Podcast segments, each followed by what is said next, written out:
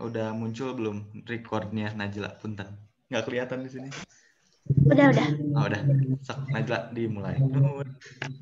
Eh.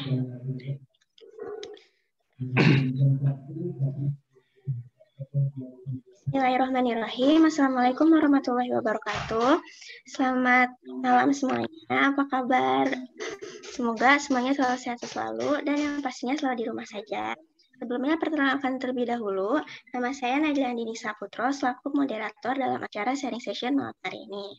Nah, saya ucapkan selamat datang bagi seluruh peserta yang telah uh, menyempatkan waktunya untuk mengikuti kegiatan sharing session malam hari ini.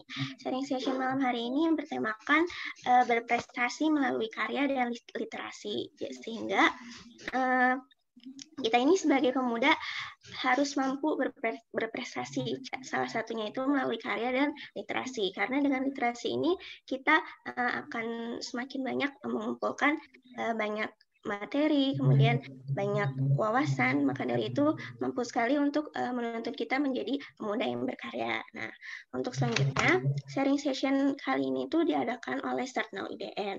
Apa sih Start Now IDN itu? Start Now IDN merupakan komunitas yang bergerak melalui platform untuk memberikan perubahan melalui mimpi-mimpi yang ingin dicapai oleh masyarakat. Start Now IDN bergerak untuk meningkatkan dan membantu memberikan wawasan lebih luas untuk mencapai mimpi, mimpi tersebut. Maka dari itu, semoga sharing session malam hari ini uh, diharapkan memberikan motivasi untuk kita agar uh, bisa lebih giat untuk mencapai mimpi-mimpi kita dan menjadi pemuda yang berkarya sehingga dapat uh, menjadi bermanfaat di untuk masyarakat sekitar. Nah, selanjutnya uh, kan ada sambutan dari founder Sarnaw IDN kepada Kang Rohman dipersilahkan. Ya, Assalamualaikum warahmatullahi wabarakatuh. Bismillahirrahmanirrahim. Sebelumnya saya ucapkan terima kasih banyak kepada moderator yang telah mempersilahkan dan juga telah memandu jalannya diskusi pada hari ini. Terima kasih juga kepada Kang Haikal yang telah berkenan untuk berbagi, sharing mengenai uh, berprestasi melalui karya dan literasi. Ini merupakan suatu hal yang penting sekali dalam kita menjalani kehidupan khususnya di masa pandemi COVID-19. Karena mau tidak mau kita harus tetap mengoptimalkan diri kita untuk berprestasi agar di masa pandemi ini kita terus meningkatkan produktivitas kita. Selamat datang juga kepada peserta yang sekarang sedang menonton di live streaming YouTube. Semoga ilmu yang bisa diberikan, ilmu yang diberikan hari ini bisa diimplementasikan dalam kehidupan sehari-hari dan juga bisa dimanfaatkan serta diamalkan kepada orang-orang di sekeliling kita. Hari ini senang sekali rasanya Eh, terdapat pesertanya itu sebanyak 7.000 lebih peserta. Semoga dengan semakin meluasnya pendaftar dari seminar-seminar daring yang diselenggarakan oleh starno.idn, ini bisa memberikan dampak yang lebih meluas lagi, bisa memberikan manfaat yang lebih luas lagi, dan juga bisa meningkatkan jejaring di seluruh Indonesia dari Sabang sampai Merauke besar harapan kami dengan diadakannya seminar kali ini adalah sesuai dengan temanya sharing session ini bisa saling berbagi bisa saling berbagi berdiskusi dan juga harapannya diskusi ini tidak hanya dapat terselenggara saat pelaksanaan seminar daring tapi juga kepada teman-teman yang nanti jika ini terbatas waktu sehingga pertanyaan-pertanyaannya mungkin belum bisa terjawab nanti pun bisa ditanyakan melalui Japri ataupun di grup kepada Kang Haikal selaku pemateri, namun tetap patuhi kondisinya dan juga patuhi ketentuan-ketentuan yang telah diatur dalam pelaksanaan seminar daring. Tetap semangat dan juga di rumah saja untuk menyimak materi silahkan siapkan catatan ataupun handphone untuk menuliskan hal-hal penting dari materi yang disampaikan hari ini. Sekian dari saya, terima kasih banyak. Wassalamualaikum warahmatullahi wabarakatuh. Waalaikumsalam warahmatullahi wabarakatuh. Uh, untuk acara sharing session malam hari ini akan dibawakan oleh Muhammad Hussein Haikal. Nah, untuk agar kita bisa berkenalan lebih dekat, maka dari itu mari kita bacakan CV dari pemateri berikut. Nah, ini adalah CV dari Muhammad Hussein Haikal, di mana beliau lahir di Garut pada 19 Februari 1995. Kemudian dia telah menempuh pendidikan di SD Negeri Tangerang 19, SD Negeri Pemukiman, kemudian SMP Negeri 1 Teluk Naga, SMP Negeri 10 Garut, dan UIN Sunan, UIN Sunan Gunung Jati. Kemudian riwayat organisasinya di mana uh, sebagai forum penulis KPI UIN Sunan Gunung Jati, kemudian DPM JKPI UIN Sunan Gunung Jati, pembinaan anak-anak Salman ITB, forum, forum lingkar pena. Kemudian riwayat pekerjaannya sebagai Excellent Learning Center, kemudian juga sebagai penyiar di radio 102,7 MKS Bandung. Kemudian prestasinya yaitu sebagai ketua cabang teladan, juara dua duta perpustakaan. Kemudian untuk aktivitasnya ini uh, sebagai Direktur Selasar, Selasar Timur Indonesia dan Ketua Paguyuban Duta Baca Kabupaten Garut. Kemudian untuk portofolio karyanya uh, telah menerbitkan buku Hikayat Puspawarna, kemudian film pendek Kodar, film pendek Blue Day Room sebagai asisten sutradara, kemudian penulis skenario film Perpustakaan Garut, pemeran karakter Mika film pendek Envious, dan pengarang buku Pukat Rindu. Kemudian untuk hobi dan keahliannya itu di mana uh, beliau hobi menulis, kemudian film, berjejaring, desain, di dunia anak, berorganisasi, dan berbicara. Kemudian untuk kutipannya dari beliau ada Menulis berarti mencipta dan menyiksakan warisan terbaik pada generasi masa depan. Bagus sekali ya. Baiklah, eh, tidak berlama-lama lagi, langsung saja kepada Kang Muhammad Hussein Haikal dipersilakan untuk memaparkan materinya. Ya, Assalamualaikum warahmatullahi wabarakatuh. Waalaikumsalam warahmatullahi wabarakatuh. Eh, teman-teman uh, dari komunitas startnow.idn, uh, Kang Rohman, lalu ada Teh Najla dan teman-teman lainnya. Selamat malam, selamat beristirahat, selamat bekerja mungkin yang masih punya pekerjaan. Selamat uh, untuk bertemu di malam hari ini. Sebenarnya agak cukup rikuh dan canggung saat uh, ditawari ataupun saat kita mengobrol dengan Kang Rohman uh, mengenai literasi dan karya karena uh, mungkin lebih banyak teman-teman yang punya jam terbang. Namun begitu karena judulnya adalah sharing maka ya inilah saya akan berbagi apa yang mungkin saya pernah jalani selama ini.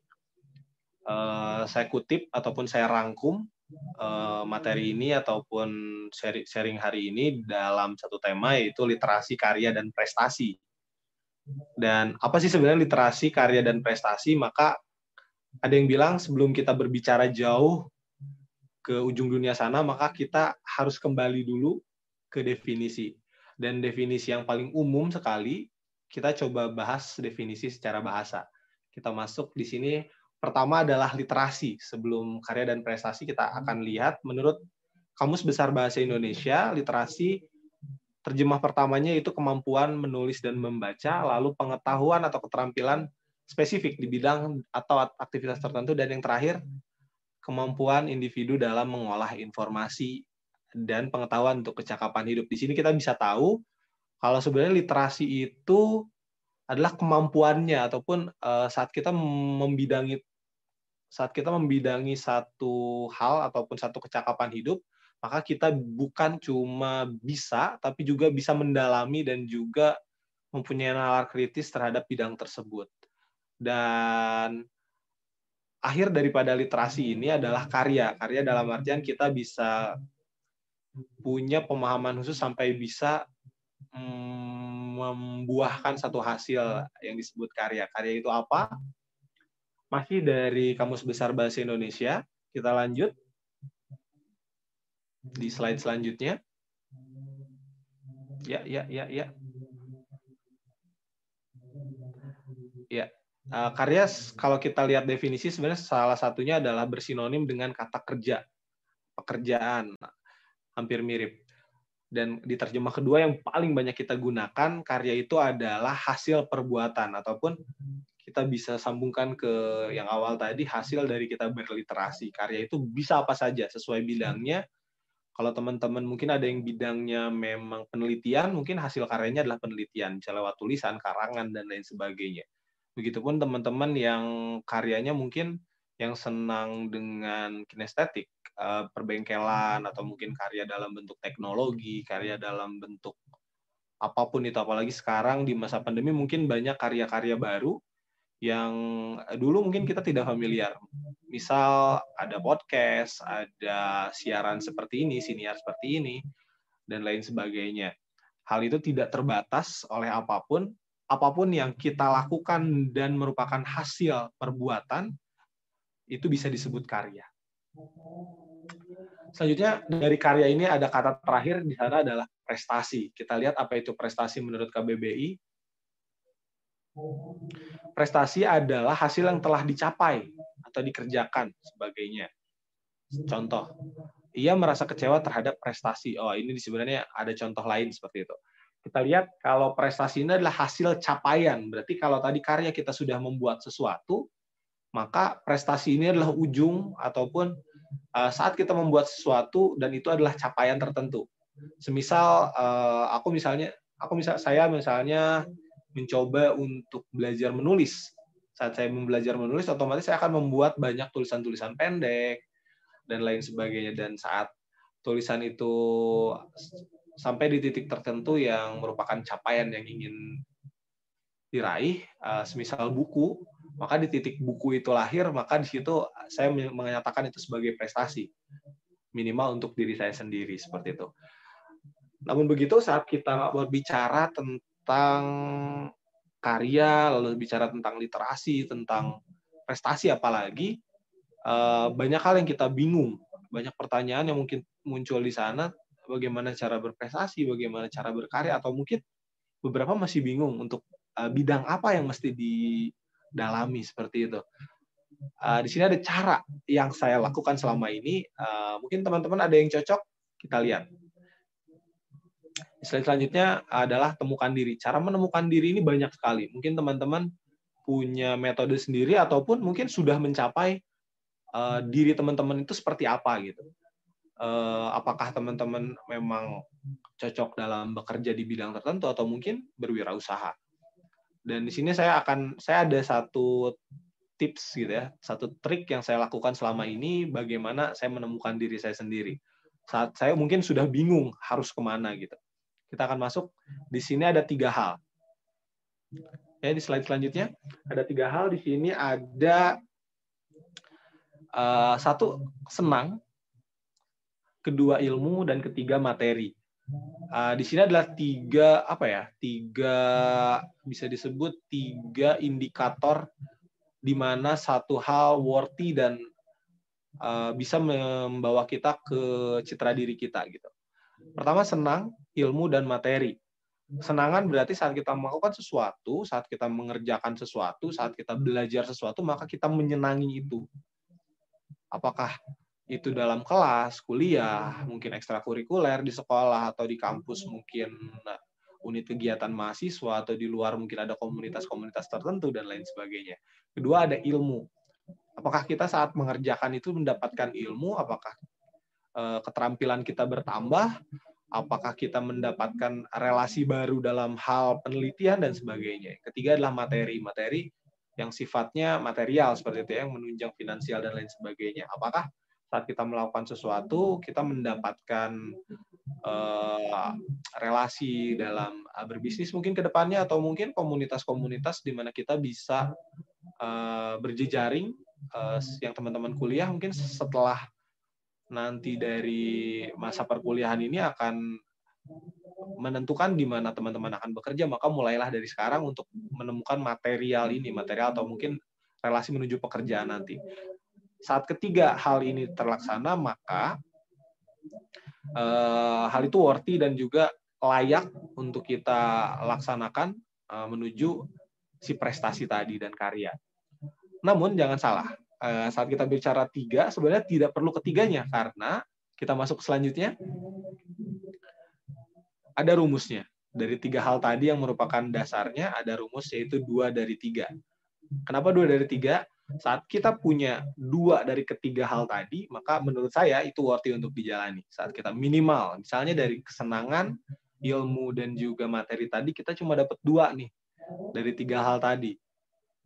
Uh, dari senang, fun tadi, dari ilmu, knowledge tadi, dan juga material.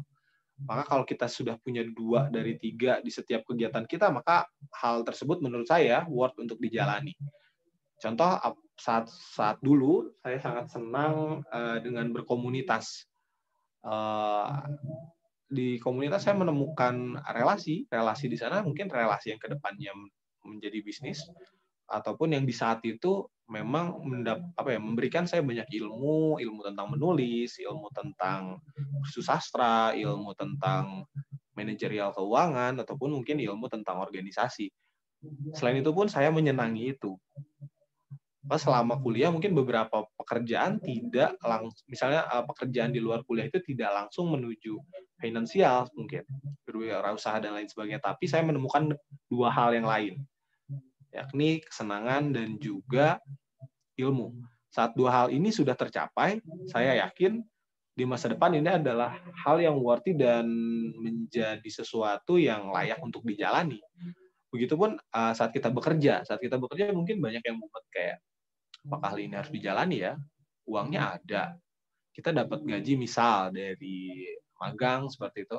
Dan dari magang itu kita dapat ilmu tapi tidak menyenangkan. Saat kita punya dua hal yang lainnya uh, saya kira itu worthy untuk ya minimal kita mendapatkan material dan juga materi tadi dan juga mendapatkan ilmu yang bermanfaat dari kegiatan itu. Meskipun kita mungkin tidak menyenanginya.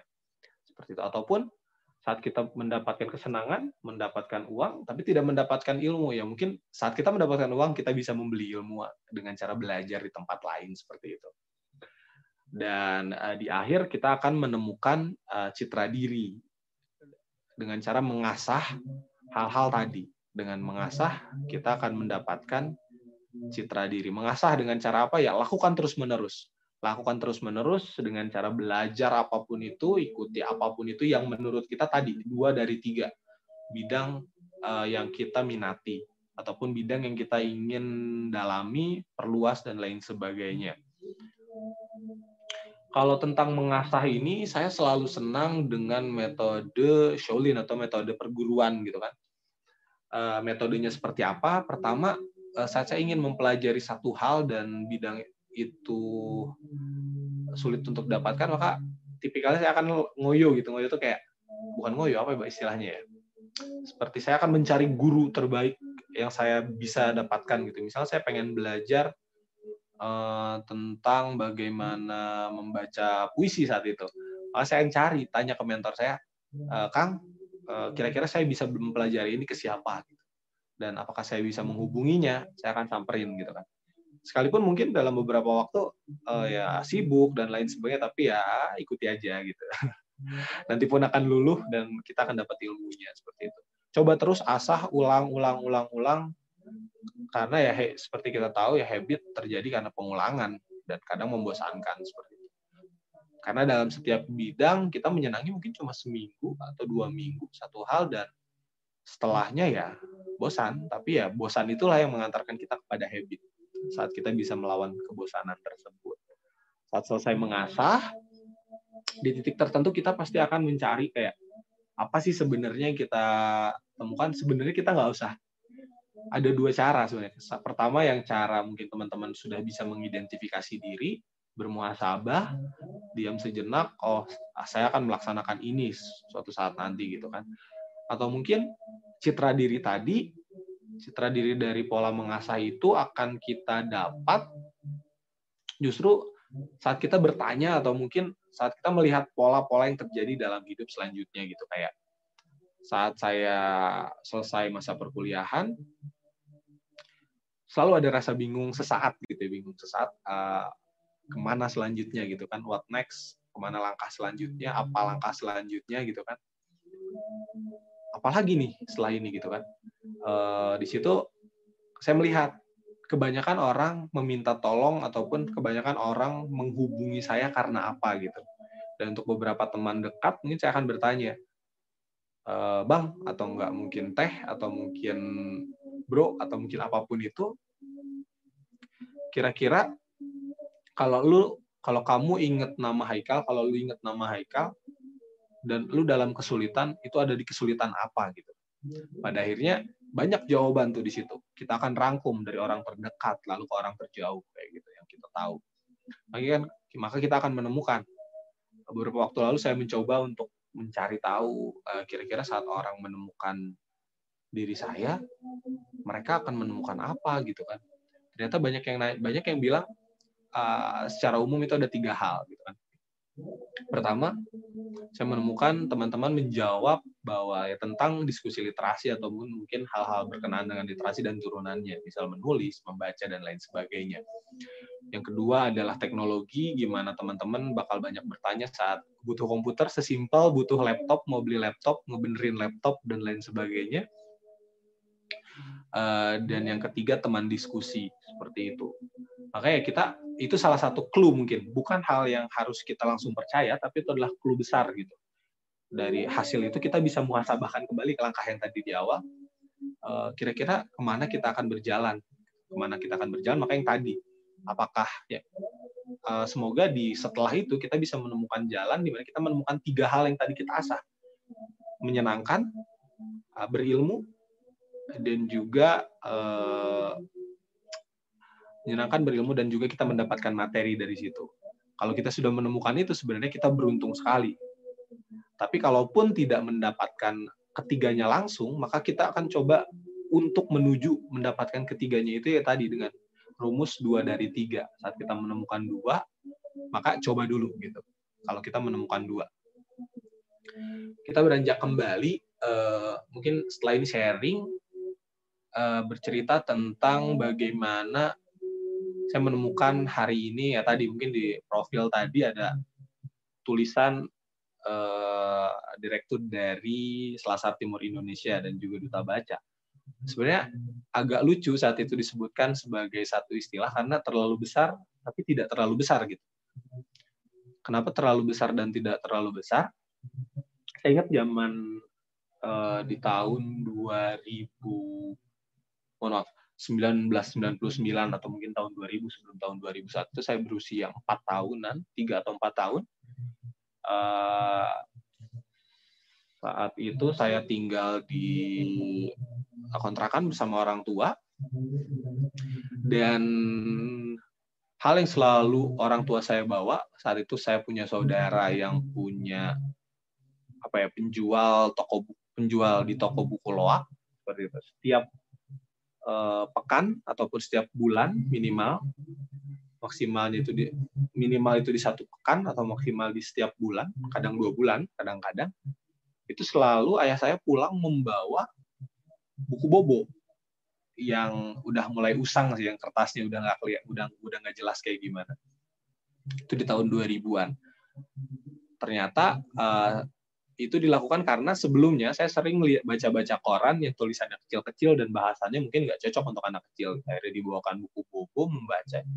Saya menemukan buku itu satu bulan sekali mungkin. Tapi sekali datang uh, satu tumpuk segini.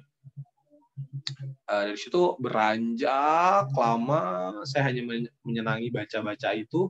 Sekolah waktu saat itu pindah, pindah sekolah yang dari kota pindah ke daerah dulu, uh, menemukan um, saya harus belajar satu hal yang lebih spesifik seperti itu kan.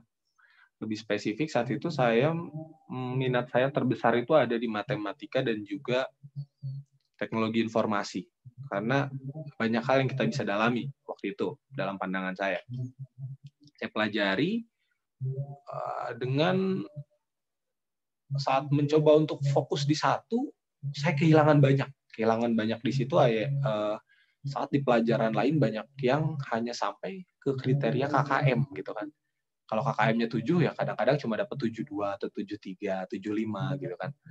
Dan hanya di satu pelajaran ya uh, bisa sampai hampir sempurna kayak gitu. Uh, jalani terus, jalani terus di saat SMA pindah lagi nih, balik lagi ke kampung halaman ke Kabupaten Garut agak cukup membosankan karena hal yang saya suka di sini amat minim gitu. di Garut amat minim.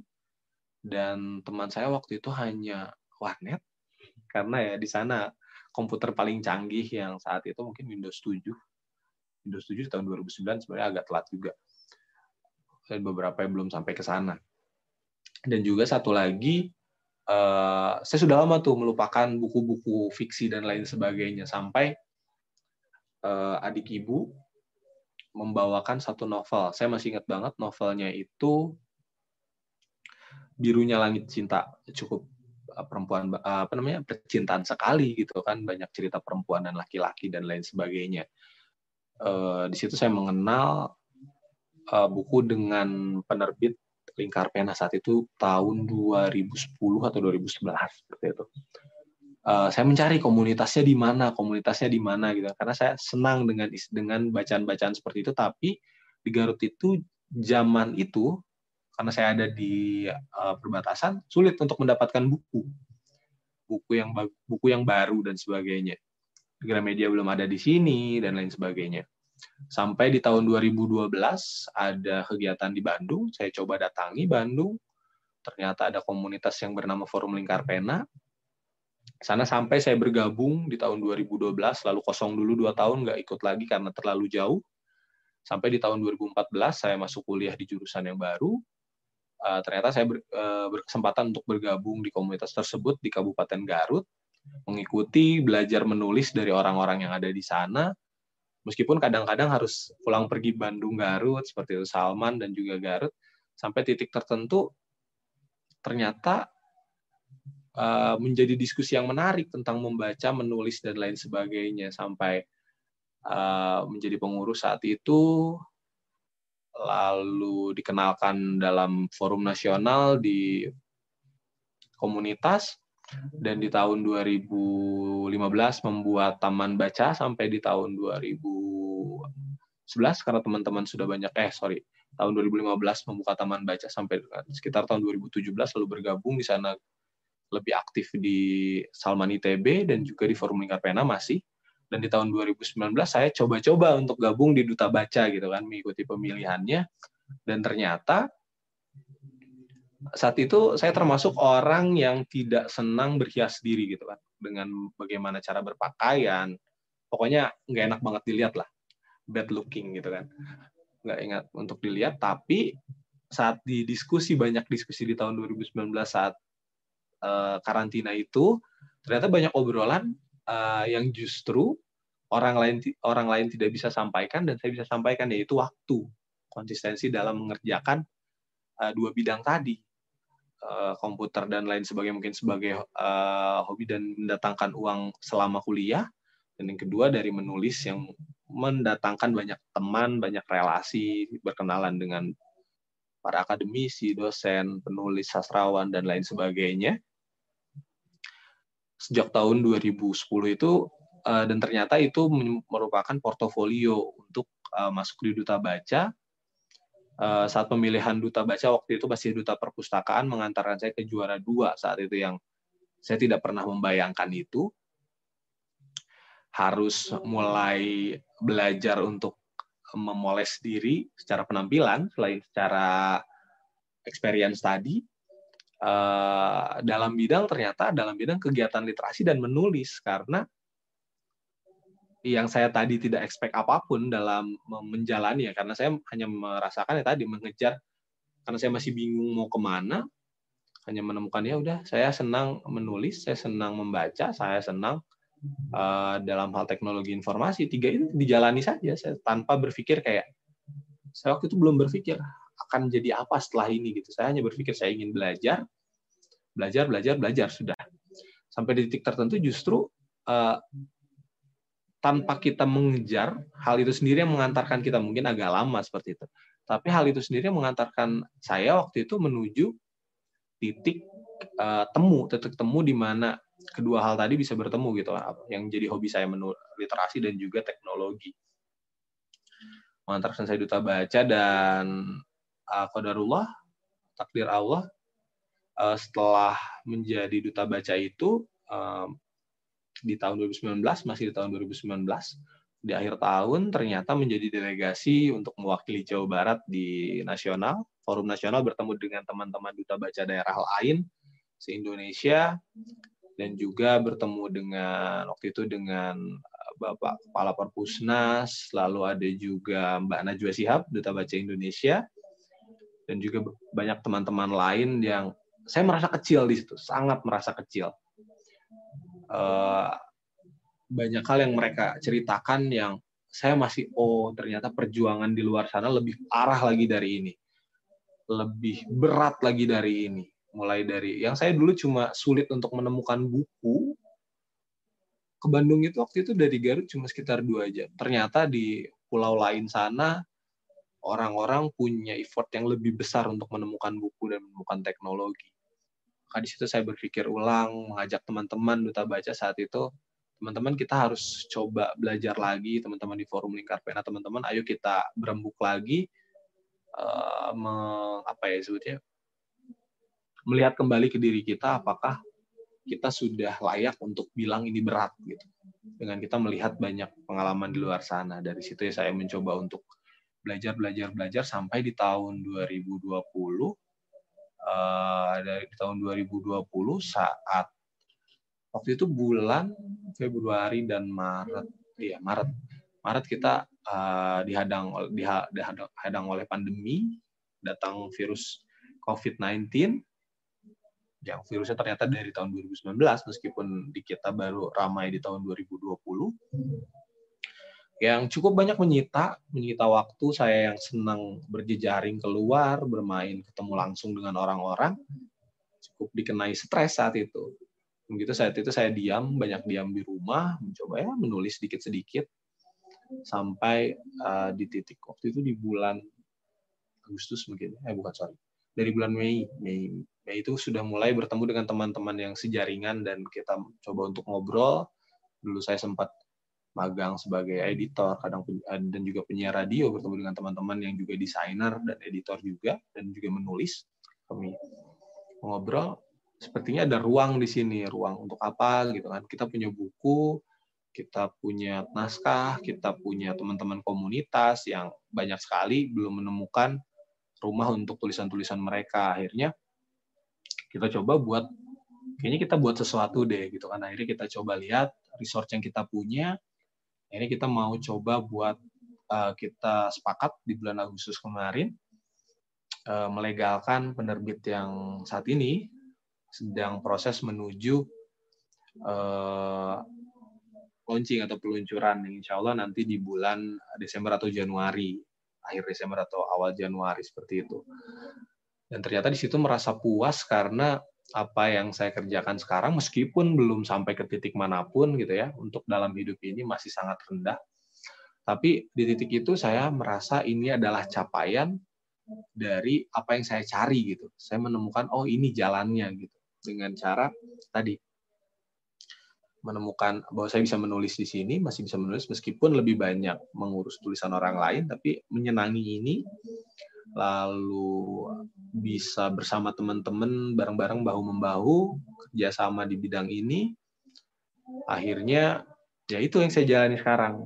Berkomunitas, berkomunitas saya sekarang ada di alumni Mas ITB, lalu juga ada di komunitas Duta Baca Jawa Barat. Sampai oh iya di tahun ini juga kami alumni-alumni Duta Baca Jawa Barat akhirnya mendirikan paguyuban Duta Baca Garut karena menemukan banyak hal dan juga menemukan teman-teman di kabupaten kami sendiri, di rumah kami sendiri banyak yang sangat memerlukan uh, teman-teman yang meraih mereka seperti itu. akhirnya ada Duta Baca Garut dan juga yang terakhir penerbit dan media Selasar Timur Indonesia seperti itu ya mungkin sampai hari ini uh, citra saya belum berubah. Teman-teman yang bertanya siapa Haikal ya pegiat literasi seperti itu. Dan juga si tukang kabel yang sering benerin komputer seperti itu. Gitu teh. Najla mohon maaf kanan kiri. Selanjutnya teman-teman bisa menghubungi saya di Instagram uh, at Muhammad Hussein at Haikal M. Hussein atau pos L kalau teman-teman ada pertanyaan di Haikal M. Hussein at gmail.com juga Selasar Timur Indonesia yang sekarang menuju peluncurannya ada beberapa buku yang nanti akan diluncurkan di selasartimur.id dan juga pos L di selasartimur@gmail.com. Oh iya, teman-teman pun bisa ikut bergabung. Kalau teman-teman mau yang sudah punya tulisan mungkin bisa bergabung dan yang baru berminat untuk menulis, uh, insya Allah akan ditemani oleh saya dan teman-teman di Selasar Timur uh, untuk bantu bimbing teman-teman sampai tulisan teman-teman bisa menjadi karya. Seperti itu, Teh Najla.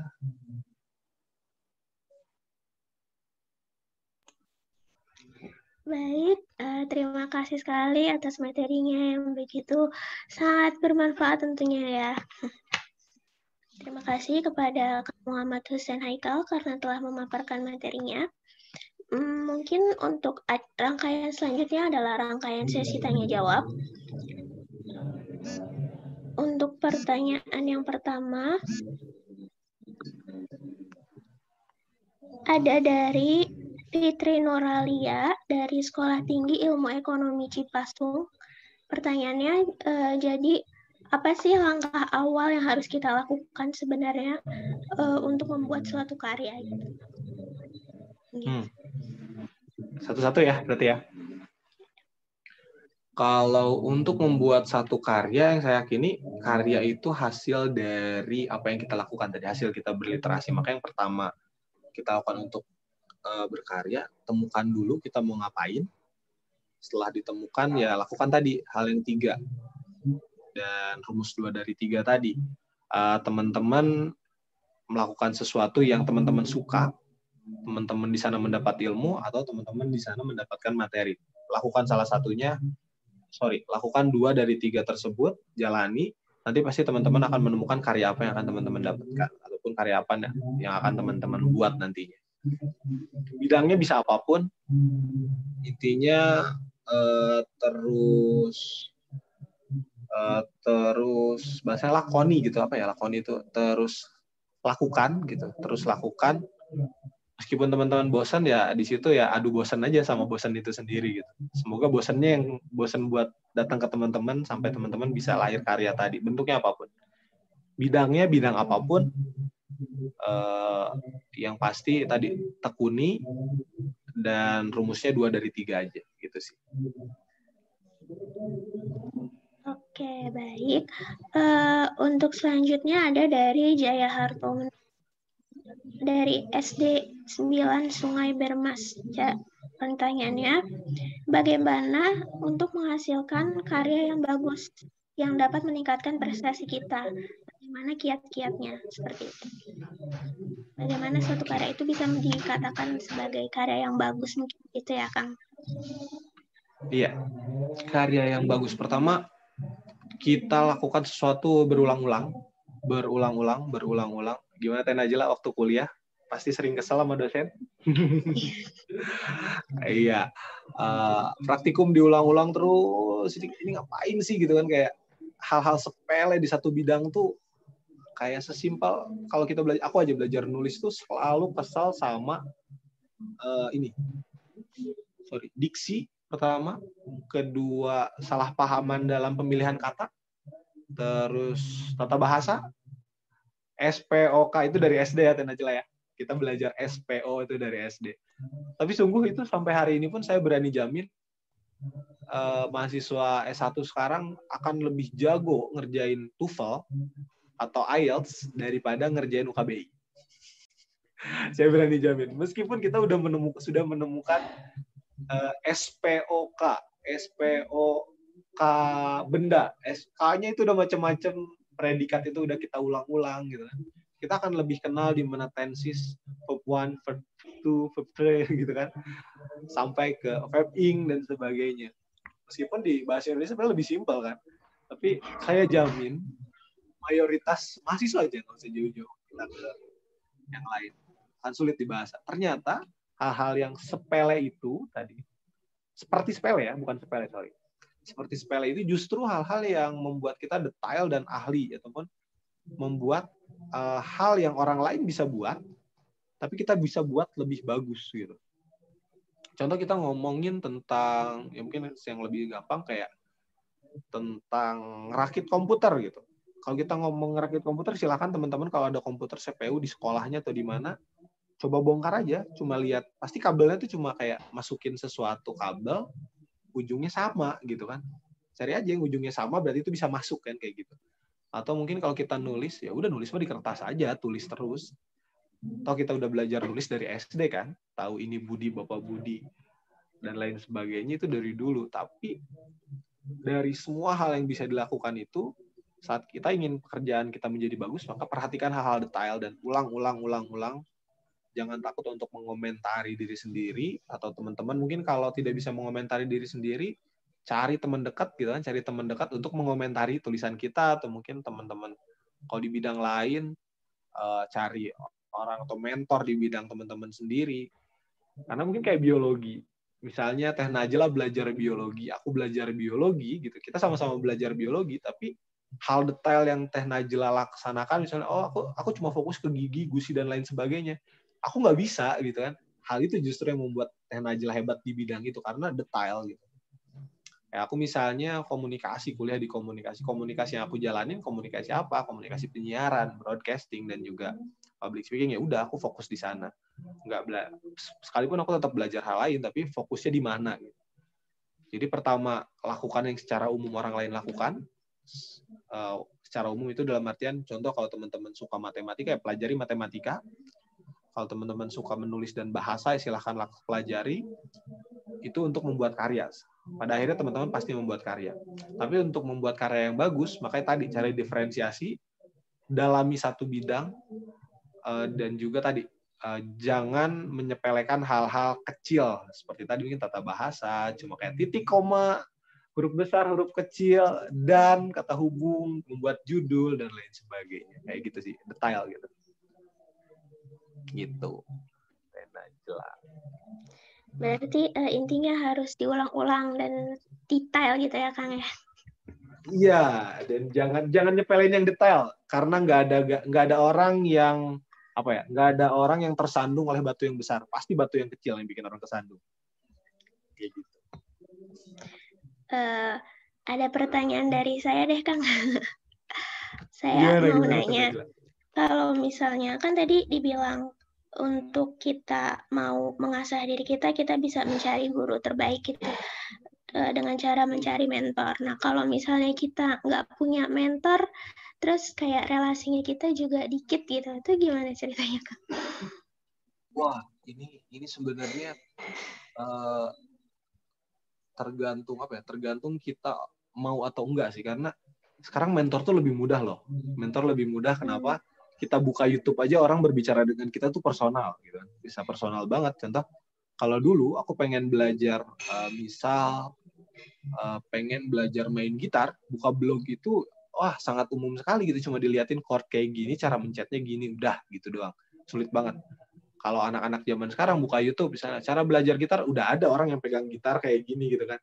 Kayak gini oh kesulitannya gini dan sebagainya. Mungkin ada mentor jarak jauh itu hanya untuk secara umum ya kita bisa cari mentor-mentor jarak jauh lewat kanal-kanal yang kita bisa dapatkan misalnya mungkin lewat YouTube mungkin lewat eh, media-media lain tapi tetap uh, mentor yang spesifik dan ahli menurut kita mentor terbaik cari cari selalu. Dan cara mencarinya gimana? Masuk ke lingkarannya. Misalnya kita pengen belajar nulis masuk ke komunitas orang-orang yang menulis. Kalau kita pengen belajar nulis tapi kita ada di komunitas orang-orang pesepeda, insya Allah nggak ketemu gitu. Jadi masuk ke komunitas sepeda kalau pengen belajar sepeda gitu kan. Kalau mau nulis ya masuk ke komunitas nulis. Dari situ kita pasti akan mulai dekat, mendekat, mendekat ke orang-orang yang lebih ahli lagi. Jadi pertama buat secara umum silahkan manfaatkan media yang teman-teman punya. Tangan teman-teman itu semua, handphone yang pasti canggih saat bisa nonton YouTube ini yang kedua tadi untuk menspesifikannya masuk ke komunitas-komunitas di bidang teman-teman masing-masing apa pun itu. Kayak gitu. Baik, uh, terima kasih. terjawab, terjawab. Mungkin dilanjutkan. Untuk pertanyaan selanjutnya ada dari Siti Mariam. dari instansi TK 1 Tawamanggu. Pertanyaannya, pertanyaannya, bagaimana menanamkan literasi pada anak yang sudah ketergantungan dengan smartphone sehingga mencari jawaban dan sebuah pertanyaan lebih suka melalui Google. Hmm. Ini aku bingung. bingung dalam artian gini. Kalau kita tahu ya ibaratnya setiap manusia itu lahir di zamannya masing-masing, pasti ada medianya masing-masing meskipun zaman dulu orang dikenalkan dengan obat-obatan, mungkin di zaman prasejarah dulu ya orang mengobati ya ada yang cara langsung dibuntungin kayak gitu kan. Oh sakit di kaki udah putusin aja kakinya kayak gitu kan sesimpel itu. Lalu maju ke zaman orang-orang sudah menemukan cara-cara tradisional gitu kan akhirnya menemukan oh ternyata ada tanaman ini bisa buat obat ini. Ternyata gini ada yang hasilnya dengan cara mengurut gitu kan tradisional zaman dahulu kala gitu. Lalu zaman kita udah mulai berliterasi orang-orang sudah mulai jauh ada yang apa ya menemukan cara-cara medis sampai hari ini kan udah bagus banget medis kita gitu kan. Begitupun dengan tadi gawai ya, gawai itu dari zaman dulu kita berkembang dan anak-anak mungkin zaman mereka di sana gitu kan. Zaman mereka di gawai itu meskipun ya kita tidak membenarkan segala yang berlebihan gitu ya. Alat tetap alat sampai kapan pun. Maka menurut aku, menurut saya sebenarnya bisa jadi menjawab ataupun tidak menurut saya ya pertama kita sebagai orang dewasa yang punya uh, anak ataupun apa pun kita tahu bahwa kita lebih teredukasi daripada mereka. Maka uh, bukan mereka yang harus mengikuti apa mau kita langsung tapi kita dulu yang meraih mereka gitu. Kalau mereka memang bisa menggunakan gawai tadi ya kita juga harus bisa. Bisa lebih bisa dari mereka minimal sama lah ya. Supaya apa? Supaya kita bisa berkomunikasi dengan cara mereka gitu. Jangan sampai ya kayak uh, kita lagi main HP gitu kan, buka YouTube, ngechat temen di kantor atau mungkin di kampus gitu kan. Oh, tiap hari rapat gitu, tiba-tiba anak kita lagi nonton YouTube dan bla bla bla. Kamu jangan nonton YouTube. Hey, kamu juga lagi baca, lagi pegang handphone gitu kan. Gimana kita bisa mengarahkan orang lain sedangkan kita juga lagi melakukan hal yang sama. Makanya tem temani mereka mungkin butuh teman gitu kan. Kenapa butuh YouTube? Jangan-jangan saat mohon maaf, jangan-jangan saat mereka sedang butuh-butuhnya untuk bertanya kepada orang, kitanya lagi sibuk akhirnya mereka menemukan orang menemukan media yang bisa lebih dipercaya oleh mereka itu YouTube itu kan bisa jadi kayak gitu. Maka pertama ya raih dulu mereka karena kita lebih ya kita yang lebih dewasa gitu kan lebih teredukasi ya kita yang raih mereka masuk ke dunia mereka karena kita pernah ada di usia itu kan. Tapi mereka nggak tahu dalam psikologis kita yang udah dewasa gimana sih orang dewasa tuh nggak tahu mereka tapi kita tahu apa yang diinginkan anak kecil kan. Dulu kita pernah kecil masuk ke dunia mereka ya ajak mereka ngobrol temenin. Kalau mungkin main main game misalnya Mobile Legend atau apa gitu. Ajak main bareng mungkin. Ajak main bareng sekali sebulan sekali atau sepekan sekali. Lalu kayak ya udah ayo kita belajar bareng kakak atau misalnya bareng ibu. Setelah belajar kita main bareng. Dia pasti akan mengikuti karena menganggap kita temannya gitu. Mungkin menjawab mohon maaf kalau salah. Intinya masuk ke dunia mereka dulu setelah kita masuk ke dunia mereka, ajak mereka berkompromi dengan apa yang kita mau, kayak gitu sih. Benar. Terima kasih Kang atas jawabannya. Untuk pertanyaan selanjutnya ada dari Uta Room. Pertanyaannya adalah bagaimana cara menumbuhkan kecanduan literasi untuk anak-anak? Mungkin kebalikan dari kecanduan yang tadi, ya, literasi. Ya, iya canduan. Berarti gimana cara biar mereka senang gitu ya dalam berliterasi. Sebenarnya kita yang tadi tetap balik lagi sih apa yang mereka mau gitu kan. Kadang-kadang kayak kita uh, dalam pendidikan gitu, terutama pendidikan itu sebenarnya seperti menanam, seperti menanam dan memelihara. Yang namanya menanam dan memelihara saat kita menanam cabai dan menanam tomat ataupun menanam padi atau menanam kangkung itu treatmentnya pasti beda ataupun kalau kita memelihara kambing, memelihara singa, memelihara ular yang ramai sekarang memelihara kura-kura para artis gitu, pasti beda. Penanganannya beda, makanannya beda, eh, cara merawat sakitnya beda gitu kan. Makanya ya beda banget gitu kan dan saat mendidik ataupun mengajari menemani anak-anak kita atau teman-teman kita adik-adik kita yang lebih muda dalam belajar, menurut saya hal yang paling penting itu mengenali dulu apakah anak kita ini kalau di tanaman mohon maaf, apakah anak kita ini kangkung, apakah anak kita ini padi gitu kan, ataukah anak kita ini justru eh, pohon beringin gitu yang bisa mengayomi orang lain, kangkung yang bisa dimakan oleh semua orang itu bisa masuk ke semua orang, mungkin padi yang merupakan kebutuhan pokok gitu kan, atau mungkin anak kita bunga geranium gitu yang yang tumbuhnya hanya di satu tempat dan memang harus ada perlakuan khusus. Semuanya ada perlakuan khusus gitu. Maka kenali dulu. Kalau anak kita sukanya teknologi ya kenalkan ke teknologi gitu kan. Kenalkan ke teknologi. Caranya seperti apa ya kita yang tahu. Kita cari tahu lebih dulu gitu. Kalau anak-anak kita suka teknologi maka seperti apa sih belajar teknologi? Pelajari. Dan jangan kalau menurut saya gitu jangan menggantungkan Eh, cita-cita kita ke mereka gitu. Saat ada cita-cita kita yang belum selesai, kita punya adik, kita pengen banget adik kita melaksanakan itu. Gitu. Contoh, aku tuh pengen keluar negeri gitu. Adik aku sekarang lagi malas-malasan kuliah di kamu tuh harus bisa masuk ke luar negeri biar dapat beasiswa. Gara-gara kitanya nggak nyampe atau mungkin karena kita nyampe dia harus ngikutin juga gitu. Jangan lupa mungkin kita dan dia adalah pohon yang berbeda gitu. Saat kita bisa satu hal jangan paksakan itu. Jadi coba kenali uh, adik kita atau anak kita ini punya kelebihan di mana, sifatnya mungkin ada yang ada yang sensitif, ada yang justru keras, ada yang justru senang kepo dan sebagainya. Cari tahu itunya, lalu uh, sampaikan kayak baru kita masuk ke cara penanganannya. Jangan sampai kita menanam beringin di laut gitu kan atau mana ya gitu ya gondok yang bisa di air mah gitu kan kayak gitu sih jadi cari tahu dulu tipe anak kita seperti apa lalu minat mereka ke mana baru sok silakan insya Allah kecanduan pasti hmm. Hmm, baik, terima kasih. Untuk pertanyaan yang selanjutnya ada dari Alfian Saputra Duru dari SMA N1 Bawalato. Pertanyaannya, bagaimana caranya mengembangkan potensi yang kita miliki tetapi kadang ada saja halangan? Halangan, obstacle. Hmm. Uh, aduh, aku lupa itu kuat siapa ya. Nanti ten aja kalau tahu kasih tahu aku. Intinya jalan yang tanpa rintangan bukan jalan yang patut buat dijalani. Gitu. Justru saat sesuatu itu ada halangan, berarti kita patut jalani itu. Kalau semua kalau sesuatu nggak ada halangan, contoh tidur, tidur tuh nggak ada halangannya, sulit. Mungkin sedikit, cuma insomnia atau apa pun gitu ya. Saat tidur nggak ada halangannya, berarti semua orang bisa kan melakukan itu. Ngapain kita lakuin gitu saat semua orang ya udah itu mah hal biasa gitu kan berarti. Tapi saat uh, sesuatu itu berat, apalagi berat banget gitu ya. Berat dalam artian bukan berat dan kita tidak bisa masuk ke sana, tapi berat kita tuh senang misalnya.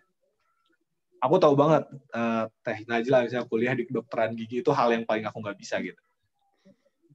Meskipun di masa depan aku dan Teh Najla yakin kita sama Teh Najla. Kita cari uangnya dari mulut. gitu ya kan uh, kayak gitu saat Teh Najla mau masuk ke kedokteran gigi bukan karena Teh Najla menganggap uh, kedokteran gigi itu hal yang mudah kan tapi justru aku seneng bidang ini tapi aku tahu kesulitannya. Kalau si siapa tadi namanya yang bertanya? Uh, namanya Alfian.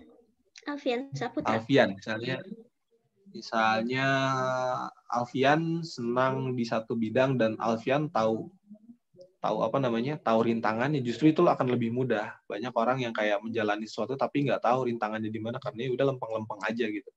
Saat Alfian tahu rintangannya di mana tinggal Alfian cari tahu solusinya apa gitu. Itu udah satu langkah. Kalau di metode ilmiah itu diketahui ditanyakan dijawab gitu. Alfian udah tahu diketahui dan diketanyakannya. Tinggal satu langkah lagi gimana cara ngejawab itu. Jadi jalani masuk ke sana tadi caranya tadi di, di, apa diketahui ditanyakan dijawab. Diketahui Alfian tahu mau ngapain. Uh, ditanyakan Alfian tahu tadi uh, rintangannya di mana? Kayak misalnya kita lah gitu ya Tenajela Tenajela tahu pengen belajar kedokteran gigi. Kesulitannya udah tahu nih berarti kan jadi udah nyampe ditanyakan kan. Tinggal gimana ngejawabnya nih? Dikit lagi nih aja jadi dokter gigi mau koas nih gitu kan. Kayak di bidang apa pun. Kita udah nyampe dua tahap tadi diketahui dan ditanyakan tinggal satu lagi. Gimana ngejawabnya? Itu PR buat Alfian. Gitu sih. Iya, jadi memang suatu rintangan malah yang bikin kita memicu untuk merealisasikan suatu hal gitu ya Kang ya? Bener banget, bener banget. Gitu, Tena jelas. Baik, untuk selanjutnya ada dari Lisa Nurul Konia dari Universitas Wahid Hashim. Pertanyaannya, apakah mahasiswa harus selalu aktif dalam setiap organisasi agar bisa menjadi berprestasi, berprestasi dan apakah mahasiswa yang berkarya juga dimaksud dengan berprestasi? Prestasi, oh iya, itu ya. Kalau kita ngomongin prestasi, balik lagi sih ya, prestasi. Kalau aku nggak tahu nih kalau teman-teman mungkin ada prestasi bidang apa pun itu punya prestasi masing-masing. Tapi balik lagi sebelum kita menyebutkan apa yang kata orang bagus maka kita sebut dulu apa yang kata kita bagus gitu. Tentukan dulu dari awal kayak tadi. Kita mau ngapain? Kita mau ngapain terus.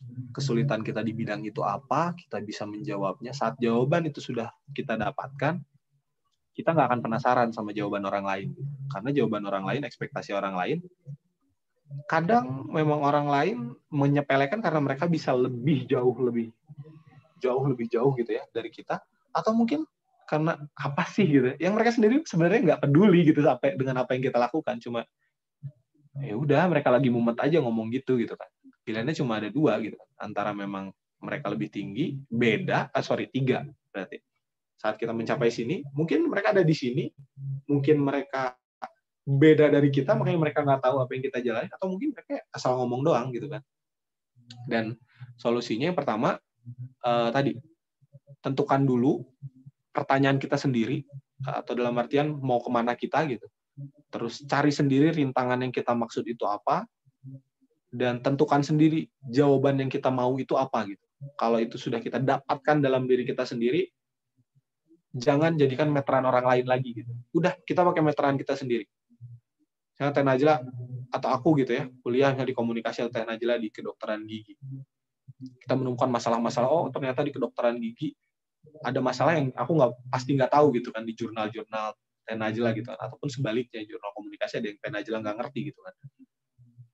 Uh, ya udah kita fokus sama yang kita jalani, kita punya jalan kita sendiri, sampai kita nemu gitu. Aku mungkin ujungnya nulis, dan aja ujungnya jadi dokter gigi.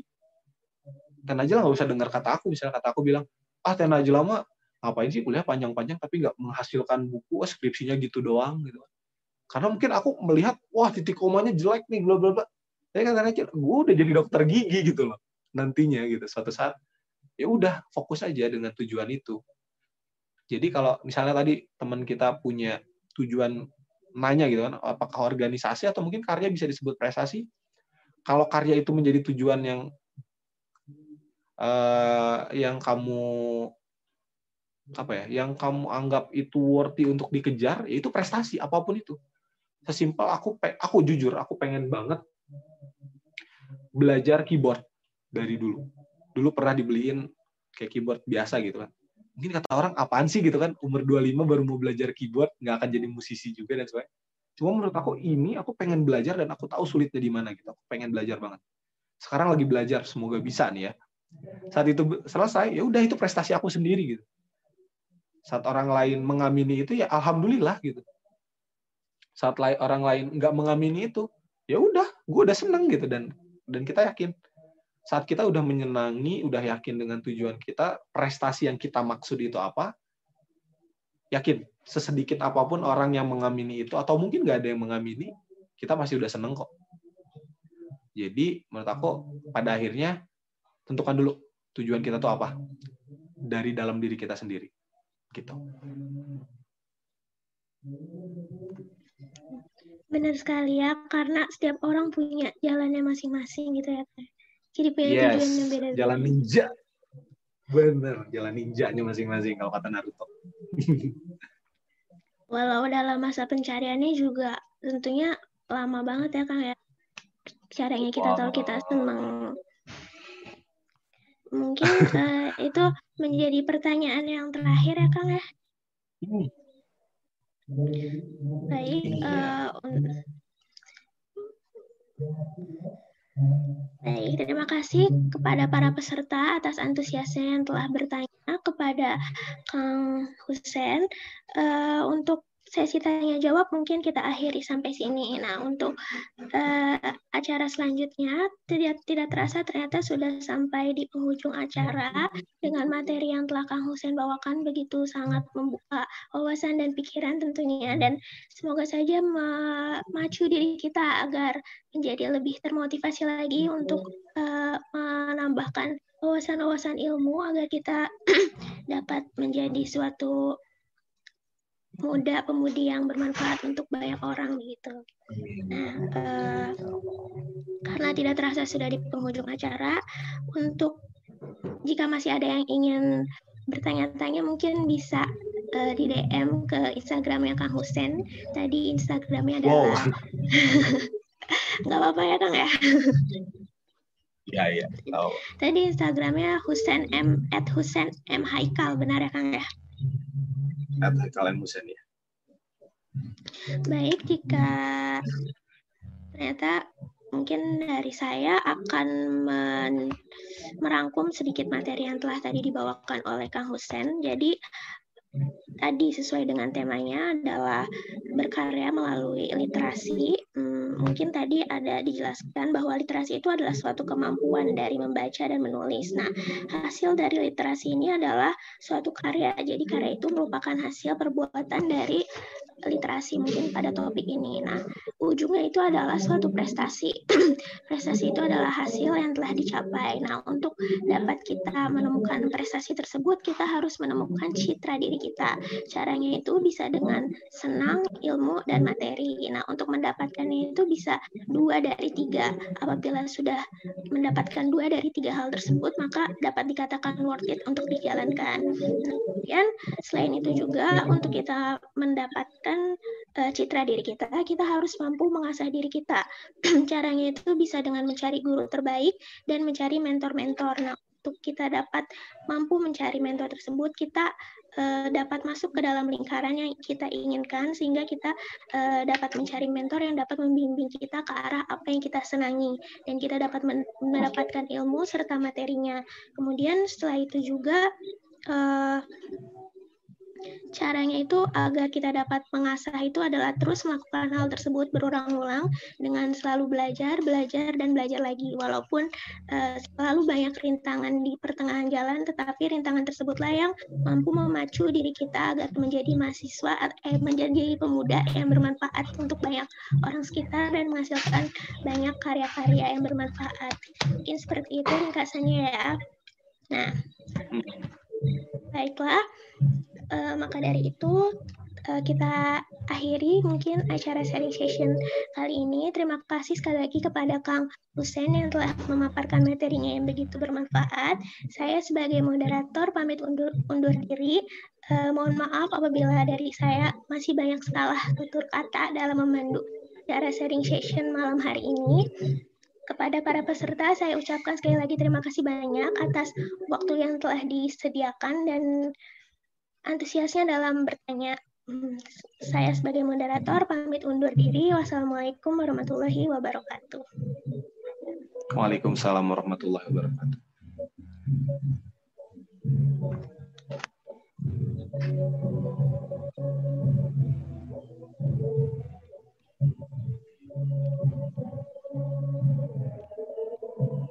Ya baik, terima kasih kepada moderator yang telah memandu jalannya webinar daring nasional hari ini.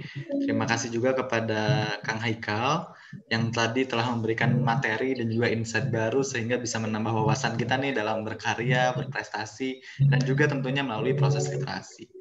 Ini merupakan suatu hal yang sangat luar biasa bagi starnol.idn mengundang materi yang keren, lalu informasi kepada seluruh peserta yang sudah menyelesaikan ataupun sudah mengikuti kegiatan seminar daring hari ini, silakan untuk melihat informasi yang diberikan di grup Telegram terkait dengan pemberian link evaluasi dan juga e-sertifikat. Jadi silakan untuk uh, cek kembali dan kembali ke grup Telegram karena memang informasi-informasi yang penting akan disampaikan melalui grup di sana. Jangan lupa untuk uh, simak kembali materi yang telah disampaikan. Mungkin ini juga uh, merupakan suatu hal yang penting. Tadi kelupaan, mungkin dari Kang Haikal juga ada yang mau disampaikan dulu, Kang. Uh, mungkin tadi oh. ada mau ada closing statement ataupun mau ada tadi sedikit pengumuman-pengumuman tambahan terkait dengan pelaksanaan seminar daring hari ini ataupun agar seminar ini tuh tidak hanya seminar hari ini aja, tapi mungkin ada rancangan ke depannya, khususnya kepada teman-teman peserta. Mangga, Kang. Ya, terima kasih Kang Rohman, uh, terima kasih teman-teman, terima kasih Kak Najla juga atas waktunya untuk kita ngobrol bareng di platform ini. Uh, semoga nanti ada kalau ada teman-teman yang ingin berdiskusi lagi bisa di grup Telegram ataupun merapat di Instagram di Haikal M. Hussein atau mungkin di Selasar Timur. Uh, terakhir mungkin aku mau pengen banget ngajak teman-teman buat sama-sama berproses, sama-sama uh, saling mengingatkan teman lain yang di sekitarnya gitu saat teman-teman yang lain sedang jatuh atau mungkin saat teman-teman lain sedang lelah maka temani seperti itu karena ya tadi balik kita nggak bisa jalan sendiri dan selalu berempati uh, terakhir buat teman-teman aku uh, apa ya aku pengen ngajak teman-teman untuk terutama teman-teman yang berminat untuk menulis, menulis mungkin menulis fiksi, non fiksi dan lain sebagainya, atau juga teman-teman yang pengen menceritakan hidup teman-teman, uh, aku ngajak banget teman-teman buat gabung di Selasar Timur buat nulis bareng. Uh, nanti informasinya seperti apa bisa ditunggu dan mohon di follow gitu kan. Insya Allah nanti untuk khusus untuk peserta di kegiatan ini akan ada fitur khusus deh yang kita akan kasih uh, untuk mentoring menulisnya kayak gitu. Uh, info selanjutnya ada di Telegram. Terima kasih atas waktunya. Assalamualaikum warahmatullahi wabarakatuh. Waalaikumsalam warahmatullahi wabarakatuh. Hatur nuhun Kang Haikal. Tadi ya jadi teman-teman semuanya seluruh peserta untuk yang mendaftar seminar hari ini akan ada penawaran khusus yang mungkin nanti akan diinformasikan lebih lanjut terkait dengan uh, kepenulisan dan juga berkarya nih di Selasar Timur Indonesia. Pasti keren banget penawarannya. Yuk untuk gabung dan juga jangan lupa follow Instagramnya follow, Selasar Timur Indonesia. Oke, paling itu aja untuk seminar hari ya. ini. jangan lupa ya untuk uh, perhatikan kembali informasi-informasi yang telah disam yang akan disampaikan di grup Telegram karena ini penting banget. Jangan sampai teman-teman peserta ketinggalan informasi dan nanti malah balik menanyakan kepada panitia. Karena informasi seluruhnya telah disampaikan melalui grup Telegram. Sekian, wassalamualaikum warahmatullahi wabarakatuh. Waalaikumsalam warahmatullahi